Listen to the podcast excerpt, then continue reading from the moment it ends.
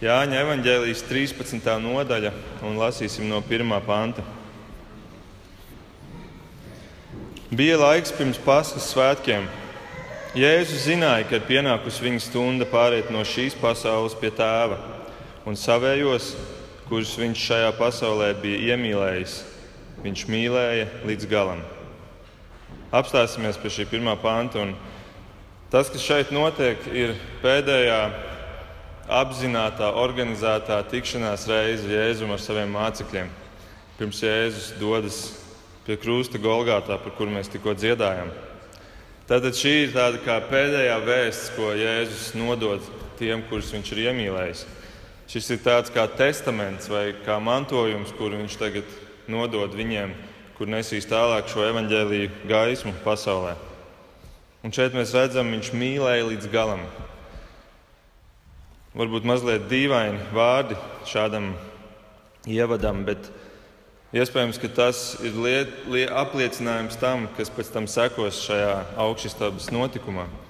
Ka tā bija mīlestība līdz galam. Viņš līdz galam viņiem izstāstīja patiesību. Viņš līdz galam viņiem deva šo vēsti, kas dos viņiem pēc tam spēku, to sakni, tā sakne zem kājām, lai viņi varētu iet.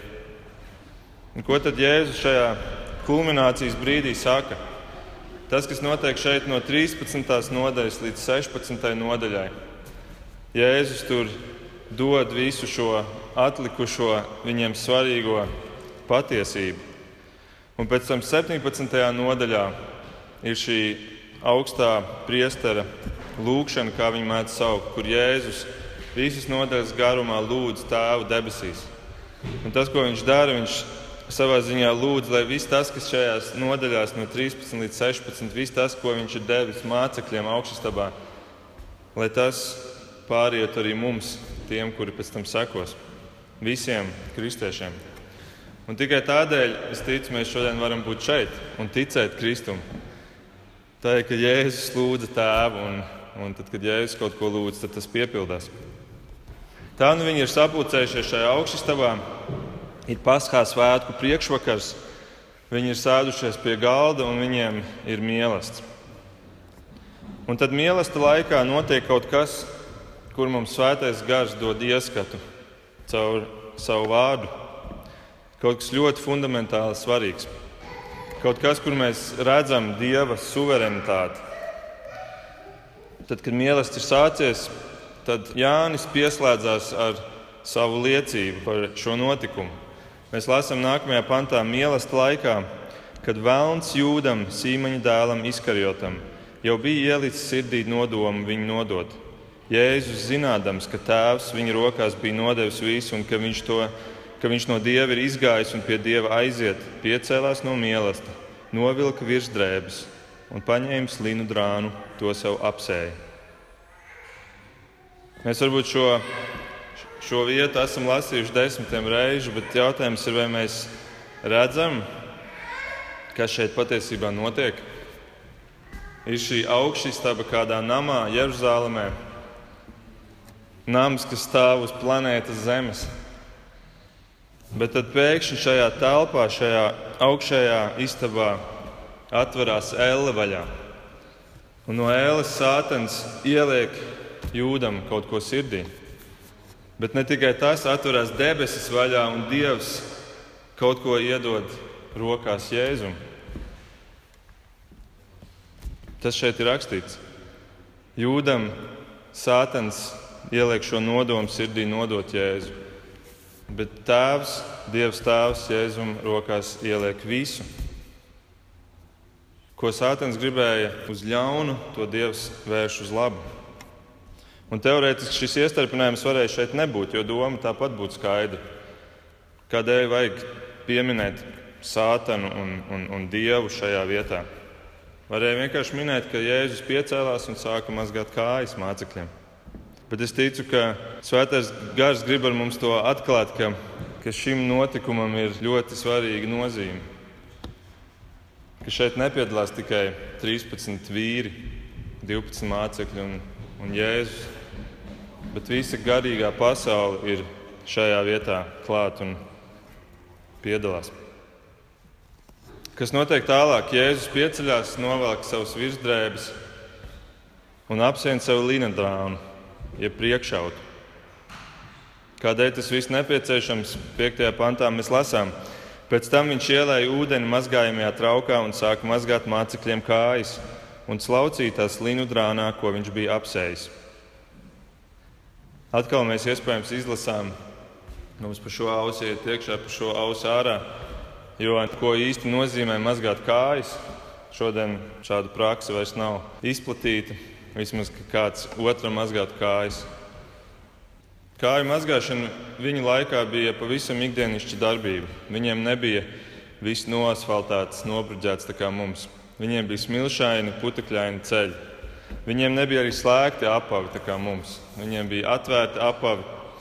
Un tā nu no, no šiem putekļainiem ceļiem, ar šiem atvērtiem apaviem, šajā karstumā. Cilvēkam ienākot telpā, kājas bija nepārāk labā skatā un arī nepārāk labs aromāts. To mēs varbūt spējam iztēloties.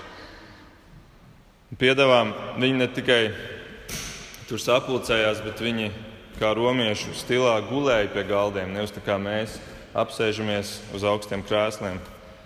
Viņi gulēja un bieži vien Kāda cita kājas bija turpat blakus tavai galvai, guļot pie šī galda. Un tādēļ mā, kāju mazgāšana bija pavisam ikdienišķa lieta. Un tā bija, tas bija uzdevums, kas bija zemākajam nama darbiniekam uzticēts, zemākajam kalpam. Viņš bija tas, kuram bija jāapsteigā vai ienākot cilvēkam telpā, jānomazgā kājas. Bet šeit to dara nama augstākā ranga cilvēks. Un vēl mēs lasām, ka mīlestības jau bija sācies, viss jau bija procesā. Tad neviens nebija nomazgājis viņiem kājas, acīm redzot. Viens iemesls varbūt bija tas, ka Jēzus saviem mācekļiem mazliet slēpās, jo bija jau izsludināta tāda kā meklēšana Un tādēļ viņi visu šo tikšanos arī organizēja mazliet slēpus, un tāpēc varbūt tur nebija kalpa, kurš sagaidīja. Bet arī mācekļi to neiedomājās darīt. Viņi acīm redzot, nebija gatavi pazemoties pārējo priekšā. Un, ja mēs paskatāmies, ko Lūkas par šo notikumu min, tad mēs pat redzam, ka viņi pirms šī notikuma strīdējās savā starpā, kurš ir augstākais Dieva valstībā kurš sēdēs Dievam pie labās rokas. Un par spīti tam visam Jēzus sāk mazgāt viņiem kājas. Viņš veic šo nepatīkamo, netīramo darbu. Kas par mīlestību, un es ticu, ka, ka šie mācekļi šo brīdi atcerējās savā dzīvē vēl bieži. Tā, viņi atminējās par Kristu un kad viņi paši cieta Kristus dēļ, tad viņi iespējams atgriezās pie šī brīža, kur Kristus viņiem ar savām rokām mazgā viņu netīrās kājas. No vienas puses, viņiem noteikti par to bija liels prieks, bet no otras puses, bez šaubām, arī liels kauns. Jo te kaut kas galīgi nebija kārtībā ar hierarhiju. Un tādēļ nākamajā pantā, kad Jēzus vienam pēc otra mazgā kājas, viņš nonāk pie Pētera. Un Pēters protestē. Sestajā pantā mēs lasām, tad viņš nāca pie Sīmaņa Pētera. Tas viņam sacīja: Kungs, tu man mazgās kājas? Un, ja mēs paskatāmies grieķu to oriģinālu tekstu, tad te uzsvers ir uz vārdiem tu un man. Kungs, tu mazgāsi man kājas, tu mazgāsi man kājas. Pēterim katrā ziņā bija kauns no, no visiem mācekļiem. Kā mācekļu grupas vadonim viņš noteikti arī runāja visu vārdā. Un tomēr Pēterim bija arī atsevišķs stāsts ar Jēzu. Viņš apzinājās, cik grēcīgs cilvēks viņš ir. Varbūt pat no visiem viņš visvairāk to apzinājās. Nevien grēcīgs, bet pāris nedēļas atpakaļ Jēzus viņu bija nosaucis par velnu. Jēzus Pēters bija nosaucis par vēlnu, Mateja 16, 23. Bet viņš pagriezies, sacīja uz Pēteru: atkāpies no manis sātana. Tu man esi par apgrēcību. Kādēļ? Jo tu nedomā pēc dieva, bet pēc cilvēka prāta. Un tad pāris nedēļas vēlāk šim Pēterim, šim, kurš ir nosaukts par vēlnu, Dievs mazgā kājas. Kungs, tu mazgāsi man kājas? Un tad Jēzus atbild 7. pantā: Tu tagad nezini, ko es daru, bet pēc tam tu sapratīsi. Todien Pēters nesaprata, bet kādu dienu viņš sapratīs. Un tad, kad mēs lasām pirmā un otrā Pētera vēstules, mēs redzam, viņš to ir sapratis. Viņš ir sapratis šo notikuma būtību un patiesību. Bet kas tad ir tas, ko viņš saprata? vai ko viņš šajā notikumā vēl nebija sapratis. Tas ir izklāstīts nākamajos trīs pantos. Astotajā pantā, turpinot sarunu, Jēzu, Pēters saka Jēzum: Nemūžam tu man nemazgās kājas. Jēzus atbildēja: Ja es nemazgāšu, tad tev pie manis nav daļas. Ja es nemazgāšu, tad tev pie manis nav daļas. Kas par vārdiem? Ko nozīmē šie vārdi? Es ticu, ka daudz kristiešu nesaprot šo raksturvietu, tāpat kā Pēters to dienu nesaprata. Ko nozīmē, ja es nemazgāšu, tad tev nav daļas pie manis? Lai ko tas nozīmētu, Pēters gribēja daļu pie sava kunga, un tāpēc viņš atbild 9. pantā, kungs ne tikai manas kājas, bet mazgā arī rokas un galvu. Citiem vārdiem sakot, mazgā mani visu. Pēters no vienas galējības pārlet uz otru. Nemazgās man kājas, un tagad mazgā mani visu. Ja mazgāšana nozīmē iegūt daļu pie tā kunga, tad mazgā mani visu. Mazgā man katru ķermeņa daļu, visu man jābūt tīram, ne tikai kājas, bet visu. Un tad Jēzus turpina pārsteigt ar savām atbildēm. Viņš desmitajā pantā saka, tam, kas jau ir mazgāts, nevajag vairāk kā vien kājas mazgāt, jo viņš viss ir tīrs. Un jūs esat tīri, bet ne visi. Šeit Jēzus tik daudz pasaka šajos, šajās divās atbildēs. Viņš šo atbildi pirmām kārtām Pēterim, tādēļ pirmām kārtām šis ir par viņu. Viņš ir tīrs. Pēters ir tīrs. Viņš ir garīgi tīrs. Viss. Jēzus saka, viņš ir viss tīrs, viss ir tīrs. Pēter, tu esi tīrs, tev ir daļa pie manis. Tu to pat līdz galam neapzinājies, bet tu jau esi mazgāts. Bet, protams, kas ir pats skaistākais šajā atbildē, ir tā forma, kādā Jēzus to pasaka. Jo viņš to pasaka nenoteiksmē. Viņš nesaka tikai uz Pēteri. Viņš saka, tam, kas jau ir mazgāts, nevajag vairāk kā vien kājas mazgāt, jo viņš viss ir tīrs. Mēs varam pārfrāzēt arī tai, kura jau ir mazgāta, nevajag vairāk kā vien kājas mazgāt, jo viņa visa ir tīra. Bet ko tad īsti nozīmē šie vārdi? Kāds ir šo vārdu svars? Ko nozīmē būt mazgātam? Un, protams, mēs saprotam, ka šeit ir runa par garīgo cilvēku, šeit ir runa par grēku mazgāšanu. Atcerieties vienu citu sarunu Jēzum ar Nikodēmu, kad Nikodējums atnāk un jautā, kā es varu tikt glābts. Tad Jēzus atbild Jāņa 3. Patiesi, patiesi es tev saku, tas, kurš nepiedzimst no ūdens un gara, nevar ieiet Dieva valstībā. Tā tad ūdens un gars. Kādi saka, ūdens tā ir kristība. Un tad pietiek ar to, ka es tieku kristīts un Svēto garu es tāpat neredzu, vai viņš ir manī vai nav, tāpēc pietiek ar ūdeni un viss ir kārtībā. Šeit visticamāk nav runa par ūdeni, tāpēc ka pirmkārt kristība vēl nebija iecelta tajā brīdī, un otrkārt šeit arī Jēzus attiecībā uz kristību nav runas par garu. Šeit Jēzus runā par garu. Un līdz ar to Nikodēmam šāda atbilde neko nebūtu izteikusi, ja te būtu runa par kristībām.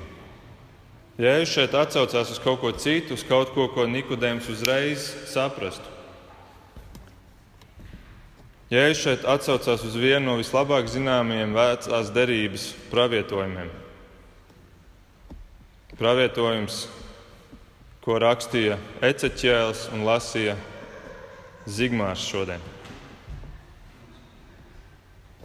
Tā ir raksturvieta, kur ir minēts ūdens un gars. Es vēlreiz vēlos nolasīt pēdējos trīs pāntus no šīs raksturvietas, nelasīšu visu. Tur bija, tur bija runāts par to, ka Dievs saka Izrēlam, es slacīšu jūs ar šķīstu ūdeni. Tad citiem vārdiem sakot, es jūs mazgāšu, es jūs šlacīšu ar šķīstu ūdeni, lai to pat šķīsti no savas nešķīstības. Es jūs šķīstīšu no visiem jūsu elkiem. Es jums došu jaunu sirdi un jaunu garu. To es jums došu. Es izņemšu jums akmens sirdi un došu miesas sirdi, un es jums došu savu garu, es došu savus likumus un jūs tiem sekosiet, jūs ievērosiet un pildīsiet manas tiesas. Un šos vārdus Dievs saka Eceķēlam brīdī, kad viņš ir ar Izraēlu Babilonijas trimdā. Un kādēļ viņi ir Babilonijas trimdā? Zigmārs lasīja to visu raksturiet tādēļ, ka viņi bija apgrēkojušies, viņi bija netīri, viņi bija dieva tauta, bet, bet citas valstis smējās par viņiem ka lūk, Dieva valsts cilvēki un pat Dievs viņus izdzen no savas zemes. Cik netīri viņi var būt? Un tad Dievs saka, bet būs mazs atlikums, kuram es došu jaunu sirdi, jaunu garu. Sirdis, kas patiesi vēlēsies klausīt manus, maniem likumiem. Un tie laiki ir pienākuši. Tas ir svētais gars, kas ir mums dots. Bet kas ir tas ūdens? Tas ūdens ir Dieva likuma, Dieva vārds. Šī kombinācija ūdens un gars, Dieva vārds un svētais gars ir tas, kas aizved cilvēku pie mazgāšanas un pie glābšanas. Mēs lasām Tītam 3,5. Tas notika nevis, netaisnī, tas notika nevis taisnības darbu dēļ, ko mēs darījām, bet Dievs savā apžēlošanā mūs izglāba ar atzimšanas mazgāšanu un atjaunošanos svētajā garā. Un Pāvils Efeziešiem 5 paskaidro, kas ir šis ūdens. Jūs vīri mīliet savus sievas, tāpat kā Kristus ir mīlējis savu draugu un pats sevi tās labā ir ziedojis lai to darītu svētu, šķīstot mazgāšanā ar ūdeni caur vārdu. Mazgāšanā ar ūdeni caur vārdu. Un tā nu Jēzus pasaka Pēterim šajā augšstabas notikumā, tev ir piedots, Pēter. Tu esi taisnots, tu esi glābts. Tu to neapzinājies vēl, bet tu esi glābts. Un ko mēs šeit varam mācīties? Pirmām kārtām, ka tu vari būt drošs par savu statusu Dieva priekšā, par savu glābšanu. Es esmu ļoti daudz argumentu saņēmis, ka tu nevari būt drošs. Bet šeit Jēzus pats pasaka to, ka šāda apziņa ir iespējama. Ja šodien Jēzus nostātos tavā priekšā, tā kā to dienu Pēterim un tev pateiktu, mans draugs, tu esi mazgāts, tu esi glābts. Ko tas mainītu tavā dzīvē? Ko tas mainītu? Vēl viena piebilde.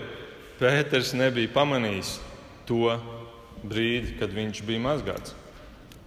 Viņam, viņš nesaprata šo notikumu. Viņam likās, ka viņam vajag mazgāt kājas, tad nevajag mazgāt kājas, tad vajag mazgāt visu. Viņš nebija skaidrā apziņā par to, ka viņš ir mazgāts. Un tas ir iedrošinājums visiem tiem, kuri, kuri, kuriem nav bijis dramatiska pagrieziena punkta dzīvē, kur, kur 180 grādiem viņi pagriežās un tagad sāk iet kopā ar Dievu. Tie, kuri iespējams ir uzauguši kristīgā ģimenē, tā skaitā es.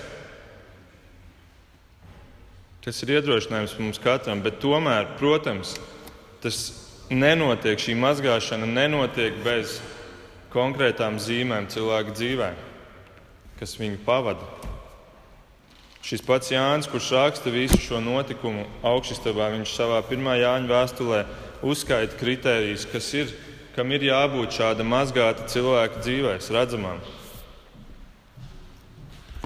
Īsumā apkopojot tās trīs lietas. Pirmkārt, ka tu tici Kristum, ka Viņš ir tavs kungs. Otrkārt, ka Bībele ir tava autoritāte un tu esi gatavs paklausīt viņai. Tieši tas, ko Eceķēls rakstīja, ka tev būs šī sirds, kura gribēs klausīt Dieva likumiem. Un trešais ir mīlestība pret līdzcilvēkiem. Mīlestība pret līdzcilvēkiem. Bet šīs pazīmes nav pazīmes, kuras tu vari kaut kādā morālā veidā izcīnīt. Šīs pazīmes tev būs tad, ja tu esi jau mazgāts cilvēks. Bez mazgāšanas tas nav iespējams.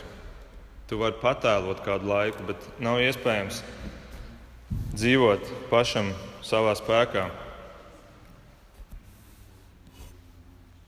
Abi es vēlos apstīties vēl vienu jautājumu. Jēzus saka, ka Pēters ir viss tīrs, un tomēr viņš saka, ka kājas ir jāmazgā.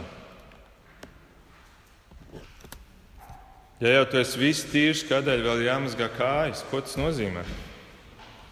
Vai tad vārdā viss nav iekļauts arī kājas?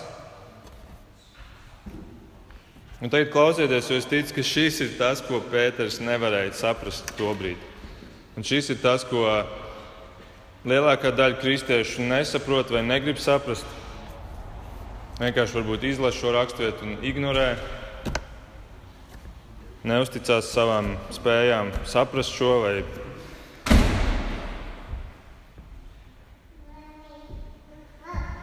Es ticu, ka šis ir tas augšstabs noslēpums. Un tā atbilde ir tā, ja vārdā viss, vai ja tur ir cilvēks viss mazgāts, kādēļ ir jāmazgā kājas, vai tur nav iekļautas kājas. Un atbilde ir, ka cilvēks ir viss mazgāts, un arī kājas ir tīras, un viņš ir pilnīgi tīrs. Viņš ir jauns radījums. Dievs viņam ir piedevis. Viņš ir pieņemts Dieva ģimenē. Un tā ir tā lielā atdošana, kuru tu saņem no Dieva. Tur nav 95% no tava ķermeņa mazgāti, vai 87, vai 50. Tur ir viss. Dievs tā nedara. Viņš, ja viņš mazgā cilvēku, viņš mazgā tīru. Viņš to sauc par jaunpiedzimšanu, tur piedzimst kaut kas jauns. Bet šī kāju mazgāšana tā ir tā otra veida atdošana. Mums katram cilvēkam, katram kristētam dzīvē ir divi veidi atdošana. Saņ, mēs esam saņēmuši un mēs saņemam. Viena ir tā, kuru Dievs mums ir devis vienu par visām reizēm. Un otra ir tā, kuru mēs katru dienu regulāri lūdzam Dievam, tāpēc ka mēs joprojām staigājam savā miesā, kur mūs velk uz grēku, un tās ir šīs kājas, kuras mums ir staigājot kontaktā ar pasauli, tiek smērēts. Citiem vārdiem sakot, mēs Dieva acīs esam taisnoti Kristu, un tas nav mūsu nopelns, bet Viņš, skatoties uz mums, Viņš redz Kristu, kurš ir pilnīgi tīrs. Un Kristus ir tīrs, un Viņš vienmēr būs tīrs, un tu vienmēr būsi Dieva acīs tīrs cilvēks. Ja Viņš tev ir jā, piedzemdējis no jauna, kā jaunu radījumu. Bet staigājot ikdienas dzīvē, tu sasmērē savas kājas, un tāpēc tu lūdz Dievam atdošanu, jo tas tie netīrumi, tas grēks ir tas, kas tevi reiz šķīra no Dieva. Un ja šis netīrums līp tev klāt, tev ir imunitāte, bet tev viņš riebjās, tāpēc tu no viņa tīries. Un tā ir šī jaunā cilvēka pazīme, ka tu katru dienu lūdz Dievam atdošanu. Tu mazgā kājas sev un ne tikai sev, Tu mazgā kājas arī citiem. Tu piedod citiem. Tu spēj piedot. Tu spēj piedot pat tad, kad tev liekas, ka otrs cilvēks nav pelnījis atdošanu.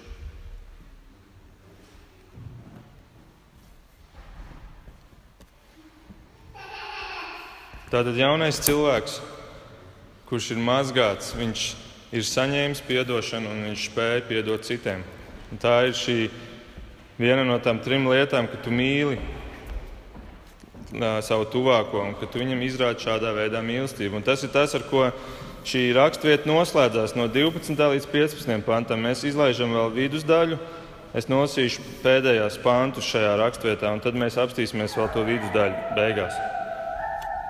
No 12 līdz 15 Jēzus raksta, es atvainojos, Jānis raksta, kad viņš tiem bija kājas nomazgājis, viņš atkal apvilka savus virsdrēbes un apsēdies tiem sacīja: Vai jūs saprotat, ko es jums esmu darījis? Jūs mani saucat skolotājs un kungs, un pareizi sakāt, jo tas es esmu. Ja nu es, kungs un skolotājs, esmu jums mazgājis kājas, tad pienākas, ka arī jūs cits citam kājas mazgājat jo es jums esmu devis priekšzīmi, lai jūs darāt, kā es esmu darījis. Redziet, citiem vārdiem sakot, ja Dievs tev ir piedevis, tu piedos citiem. Ja tu nepiedod citiem, vai Dievs tev ir piedevis, vai tu to apzinājies, vai tu to saproti, ja tu nespēji citiem piedot, tevī visticamāk nav šī Dieva piedošanas zīme, kura tev dod spēju piedot citiem. Ja tu esi mazgāts, tad tu būsi gatavs mazgāt citiem kājas. Ja tu esi mazgāts viss, tu būsi gatavs mazgāt citam kājas.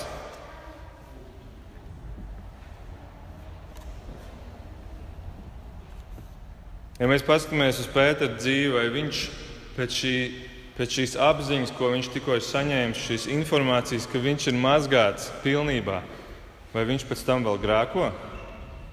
vai viņš dzīvo pilnīgi svētu dzīvi. Protams, Pēters grēko un kā vēl viņš nodod Jēzu pēc pāris dienām. Nepaiet pat viena diena, un, un viņš nodod Jēzu trīs reizes. Viņš grēko un kā vēl. Bet Jēzus viņu bija mazgājis. Un tādēļ Tāds cilvēks, kurš ir mazgāts, vienmēr spēs atgriezties atpakaļ. Ne savā spēkā, bet Dieva spēkā, kurš viņu atvelk atpakaļ. Atcerieties, bija vēl viens, kurš nodeva Jēzu - Jūda. Vai viņš spēja atgriezties atpakaļ? Viņš nespēja atgriezties. Kādēļ? Kas bija tā atslēga? Kādēļ viņš nespēja un Pēters spēja? Paklausieties šo atbildi, un tā ir tā vidusdaļa, par kuras tikko minēju. Desmitais pants. Jēzus sacīja, tam, kas jau ir mazgāts, nevajag vairāk kā vien kājas mazgāt, jo viņš viss ir tīrs. Un jūs esat tīri, bet ne visi. Jēzus zināja, kurš viņu nodos, tādēļ viņš sacīja, ne visi jūs esat tīri. Tātad jūda nebija mazgāts. Jūda nekad nebija glābts. Un šis ir viens no argumentiem, ko man cilvēki diezgan bieži saka. Viņi saka, bet tu vari atkrist no glābšanas. Paskaties uz jūdu. Viņš bija kristietis, viņš staigāja ar jēzu trīs gadus. Jā, no malas tā izskatījās. No malas izskatījās 12 mācekļi. Visi kristieši, visi ticīgi, visi seko Jēzum. Visi staigāja Jēzus pēdās. Bet, te, kad mēs pajautājam Jēzum, mēs uzzinām, ka 11 bija, bet viens nebija. Viņš nekad nebija īsts. Un mēs varbūt pat redzam tādus jūdas savā ikdienas dzīvē, kur mēs redzam, ka kristietis atnāk uz baznīcu, viņš kalpo varbūt gadiem ilgi, un tad viņš pēkšņi aiziet prom un nozūd. Un mēs sakam, jā, atkrita no ticības. Bet arī par tādiem bībelē, kas sakāms, tam pašam Jānim, 1. Jāņa 2.19. viņš raksta, viņi izgāja no mums, bet nebija mūsējie. Ja tie būtu bijuši mūsējie, tie pie mums būtu palikuši. Bet viņi ir izgājuši, lai atklātos, ka tie nav visi mūsējie. Dažus brīžus pēc šīs sarunas ar Pēteru viens pieceļās un iziet. Tieši to izdara, ko Jānis šeit raksta. Viņš iziet lai atklātu, ka viņš nebija mūsējais. Jūdas nekad nebija mūsējis. Un tad, kad šāds cilvēks aiziet, viņš neatgriežas atpakaļ. Bet, kad aiziet mūsējais, ziniet, kas tad notiek? Tad Dievs viņam iet pakaļ, un viņš viņu atved atpakaļ. Ne pret viņa gribu, bet saskaņā ar viņa gribu. Jo cilvēka griba ir tik vāja, ka viņi nomaldītos pirmajā dienā, ja Dievs viņu nesargātu. Tāpat kā tēvs, kurš, tad, kad viņa dēls grēko pret viņu, viņš viņu neizmetīs ārā no ģimenes, viņš viņu tikai pārmācīs. Tā ir šī atdošana, ka tu esi Dieva bērns un, un Dievs no tevis vairs neatteiksies. Jūdas un Pēters bija tik līdzīgi. Jēzus abus nosauca par vēlniem. Abus divus. Abi nodeva Jēzu. Abi Jēzu aizliedza savu kungu, kuram viņi sekoja trīs gadus. Un tomēr viens aizgāja un neatgriezās, un otrs atnāca atpakaļ. Dievs viņu atveda atpakaļ. Ziniet, kurš viņu atveda atpakaļ? Jēzus pats. Lūkas 22. viņš saka viņam, Sīman, Sīman, redzi, Sātens gribējis jūs sijāt kā kviešus, bet es esmu lūdzis par tevi. Jēzus saka, es esmu lūdzis par tevi, lai tava ticība nemitētos. Un kad tu būsi atgriezies, redzēt, Jēzus zināja, tu atgriezīsies, Pēter. Kad tu būsi atgriezies, tad stiprini savus brāļus. Jēzus iestājās par saviem. Un tad, kad mēs lasām ebreju vēstuli, tur ir šī lielā doma, ka ir augstais priesteris Jēzus debesīs, kurš iestājās par mums katru dienu. Ja tu gribi teikt, ka laimīgais Pēters, ka Jēzus par viņu lūdza, tu vari teikt, laimīgais es, ja es esmu Dieva bērns, jo Jēzus par mani lūdz katru dienu.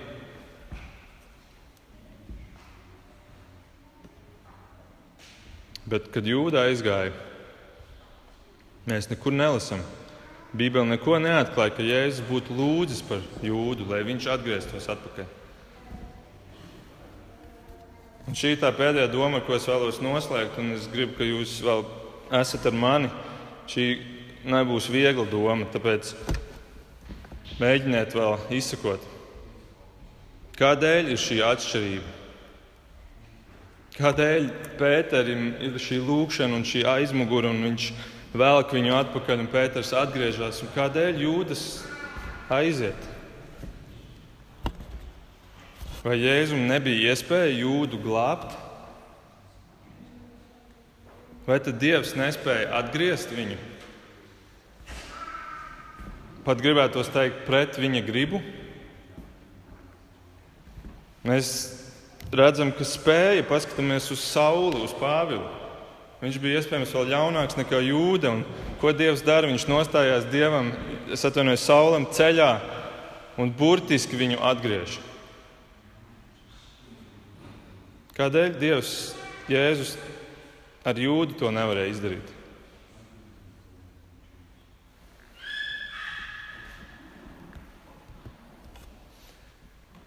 Pirms es atbildēju uz šo jautājumu, es biju pirms kāda laika vienā citā draudzē sludināt, un tur es pieminēju izredzētības tēmu. ļoti tā vienkārši īsi pieminēju, un pēc tam kafejnīcā man izvērtās saruna ar mācītāju šīs draudzes. Ļoti sirsnīga saruna, ļoti atklāta un pozitīva. Un mēs tādā draudzīgā garā diskutējām par to, Ko nozīmē šī izredzētība? Ko nozīmē šis dieva suverenitātes piemērs? Un viņam, viņam bija grūti pieņemt šo domu. Viņš pats ir daudz par to domājis. Viņa tas galvenais arguments bija, ka nav godīgi. Nu, nav godīgi. Paskatāmies, Pēters, Jūdas gadījumu nav godīgi. Ja Dievs tāds ir, tas nav godīgi pret daudziem cilvēkiem. Izredzēt vienus nav taisnīgi pret pārējiem. Tāds tas arguments bija. Un es viņiem, protams, uzsvēru, ka pirmkārt tā ir cilvēka atbildība. Cilvēkam ir atbildība šajā jautājumā. Un, ja jūs esat klausījušies, ko mēs šeit esam runājuši, tad es esmu uzsvērs, ka ir simtprocentīgi cilvēka atbildība un simtprocentīgi dieva atbildība. Un mēs to nesaprotam mūsu prātā, bet tas lai paliek dieva ziņā. Bet Bībele to māca, ka ir abas puses. Un tomēr bez dieva pirmā soļa cilvēks neko nespētu izdarīt. Un tas fakts šeit ir, ka Jēzus jūdu nebija mazgājis. Tas ir fakts, kaut arī par iemesliem mēs nezinām, tas lai paliek dievziņā, bet katrā, katrā ziņā mūsu šī saruna ar mācītāju virzījās tādā kā atpakaļgaitā. Mēs runājam par iz, izredzētību, un tad mēs gājām soli atpakaļ, jau ņēmām lielāku bildi, un no šīs mazās tēmas arvien lielāku bildi, kopbildi izveidojām, līdz mēs aizgājām līdz pēdējiem jautājumam, pašam pamatjautājumam. Kādēļ Dievs radīja pasauli? Vai cilvēka dēļ? Jo, ja cilvēka dēļ, tad jābūt visam ir godīgi pret cilvēku. Tad visiem cilvēkiem ir jādod vienāda iespēja. Ja viens tiek glābts, otram jādod tieši tikpat liela iespēja. Un mēs neesam naivi un mēs varam skaidri atzīt, ka šajā pasaulē visiem cilvēkiem nav vienādas iespējas dotas. Man, kurš ir uzaugusi kristīgā ģimenē, ir citādāks iespējas nekā musulmanim, kurš nekad savā dzīvē nav dzirdējis varbūt Kristus vārdu. Un tādi cilvēki, varbūt Bībelē ir minēts, ka ir cilvēki, kuri nomirst bez Dieva vārda dzirdēšanas. Un tad es šim mācītājam teicu, ka, ka es no Dieva vārda saprotu, ka pasaule nav radīta cilvēku dēļ. Pasaule nav radīta cilvēku dēļ. Pasaule ir radīta dieva dēļ. Pasaule ir radīta dieva dēļ. Dievs to ir radījis kā mīlestības dāvanu starp tēvu un savu dēlu, lai dotu viņam šķīstu līgavu no šīs pasaules. Tēvs šo pasauli ir radījis savam godam un lai no šīs pasaules dotu šķīstu līgavu savam dēlam Jēzum. Un par to varētu atsevišķu vētrunu minēt, eh, runāt par to, kā, kā ir saruna arī šajā pēc augšstabas šajā lūkšanā, kur Dievs nodod dēlam un dēls nodod atpakaļ Dievam šos, kurus viņš ir izglābis no pasaules. Un tas ir atsevišķs tās, bet Pāvils par šo visu tēmu Romiešiem 11 saka, kāds dieva bagātības un gudrības un atziņas dziļums, cik neizprotams ir viņa tiesas un neizdibināmi ir viņa ceļi. Kas gan ir izzinājis kunga prātu, kas viņam ir bijis padomdevējs, kas viņam jebkad ko ir devis, ka viņam būtu jāatlīdzina? Jo no viņa un caur viņu un uz viņu ir viss. Viņam ir gods mūžīgi. Āmen. Tas viss ir Dieva dēļ. Un Dievs nemazgā tos, kuri ir pelnījuši.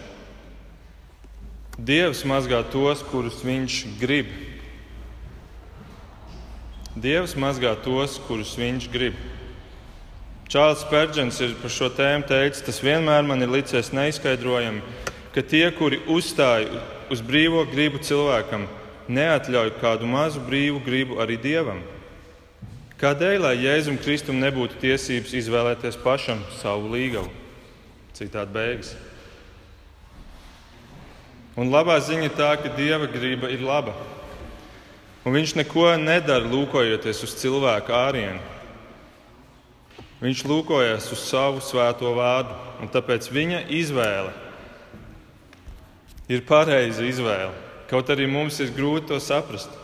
Atcerieties vēlreiz Eceķēla raksturvietu, kādēļ Dievs izlēma darīt šo, šo darbu, dot šo jauno sirdi, mazgāt ar ūdeni. Ne jau viņu dēļ, tur bija rakstīts, ne jau jūsu dēļ es to daru, bet es to daru sava vārda dēļ, sava vārda dēļ. Un, ziniet, ja kāds man saka, Tas ir netaisnīgi. Tas ir netaisnīgi. tad es atbildu, jā, tas ir netaisnīgi. Un, ja kāds saka, tas ir negodīgi, tad es atbildu, jā, tas ir negodīgi. Un es esmu pirmais, kurš atzīst, ka tas ir negodīgi, ka es esmu glābts un ka es esmu Dieva bērns. Un tādēļ šai šī veida glābšanai ir savs nosaukums. Un šī veida glābšanai ir savs vārds. Un tas vārds ir žēlastība. Žēlastība. Cik netaisna tā ir, cik nepelnīta. Un es ceru, ka šo netaisnības garšu savā mutē jūs jūtat. Tāpat kā to dienu augšstabā Pēters jūta šo netaisnības garšu savā mutē. Tur augšstabā. Tā ir žēlastība. Un Un manā dzīvē šis vārds žēlastība bija iespējams grūtākais vārds, ko, ko satvert, ko saprast, par ko pateikties Dievam. Tik svarīgs vārds, iespējams vissvarīgākais vārds visā jaunajā derībā, un tik grūti dot viņam svaru. Bet, tad, kad tu saproti šo augšstāvu sarunu, tad tu saproti, ka, ka tu drīksti ticēt ne tavu nopelnu dēļ Un, ja Dievs tev ir devis šo jauno garu, šo jauno sirdi, tad tas ir tik liels ieguldījums, ka Viņš to arī nosargās līdz galam.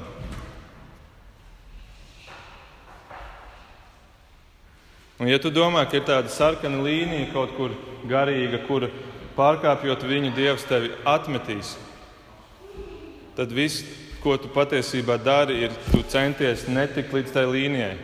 Tu centies ar saviem darbiem neaizsniegt šo robežu. Un tas ir legālisms. Žēlastība. Pēters to saņēma, un mēs to saņemam caur Svēto garu. Lūksim Dievu.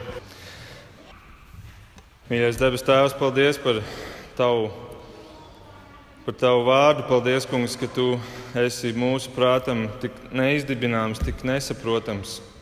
Ja vien Tu pats neizskaidro un nenāc un, un neatver savu muti, lai, lai šo dievišķo patiesību dotu. Un, un, kungs, piedod, ka, mēs, ka mums tik grūti to pieņemt, šo žēlastību, šo tavu nopelnu. Tas ir tik netaisnīgi, ka mēs esam drīkstam būt daļa no tavas līgavas, kungs. Tas ir tik netaisnīgi, un mēs tev esam tik ļoti pateicīgi par to. Un kaut tas mūsu dzīvēs dotu to reakciju, ka mēs gribam pateicībā tev kalpot un, un ka mēs šo lielo kobildi paturētu prātā.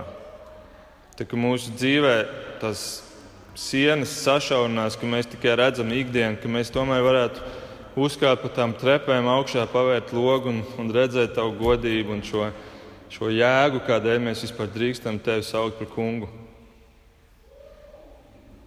Paldies, Tev, Kungs, lai Tev gods un slāva un pateicība Tev vienam, lai ir gods. Amen.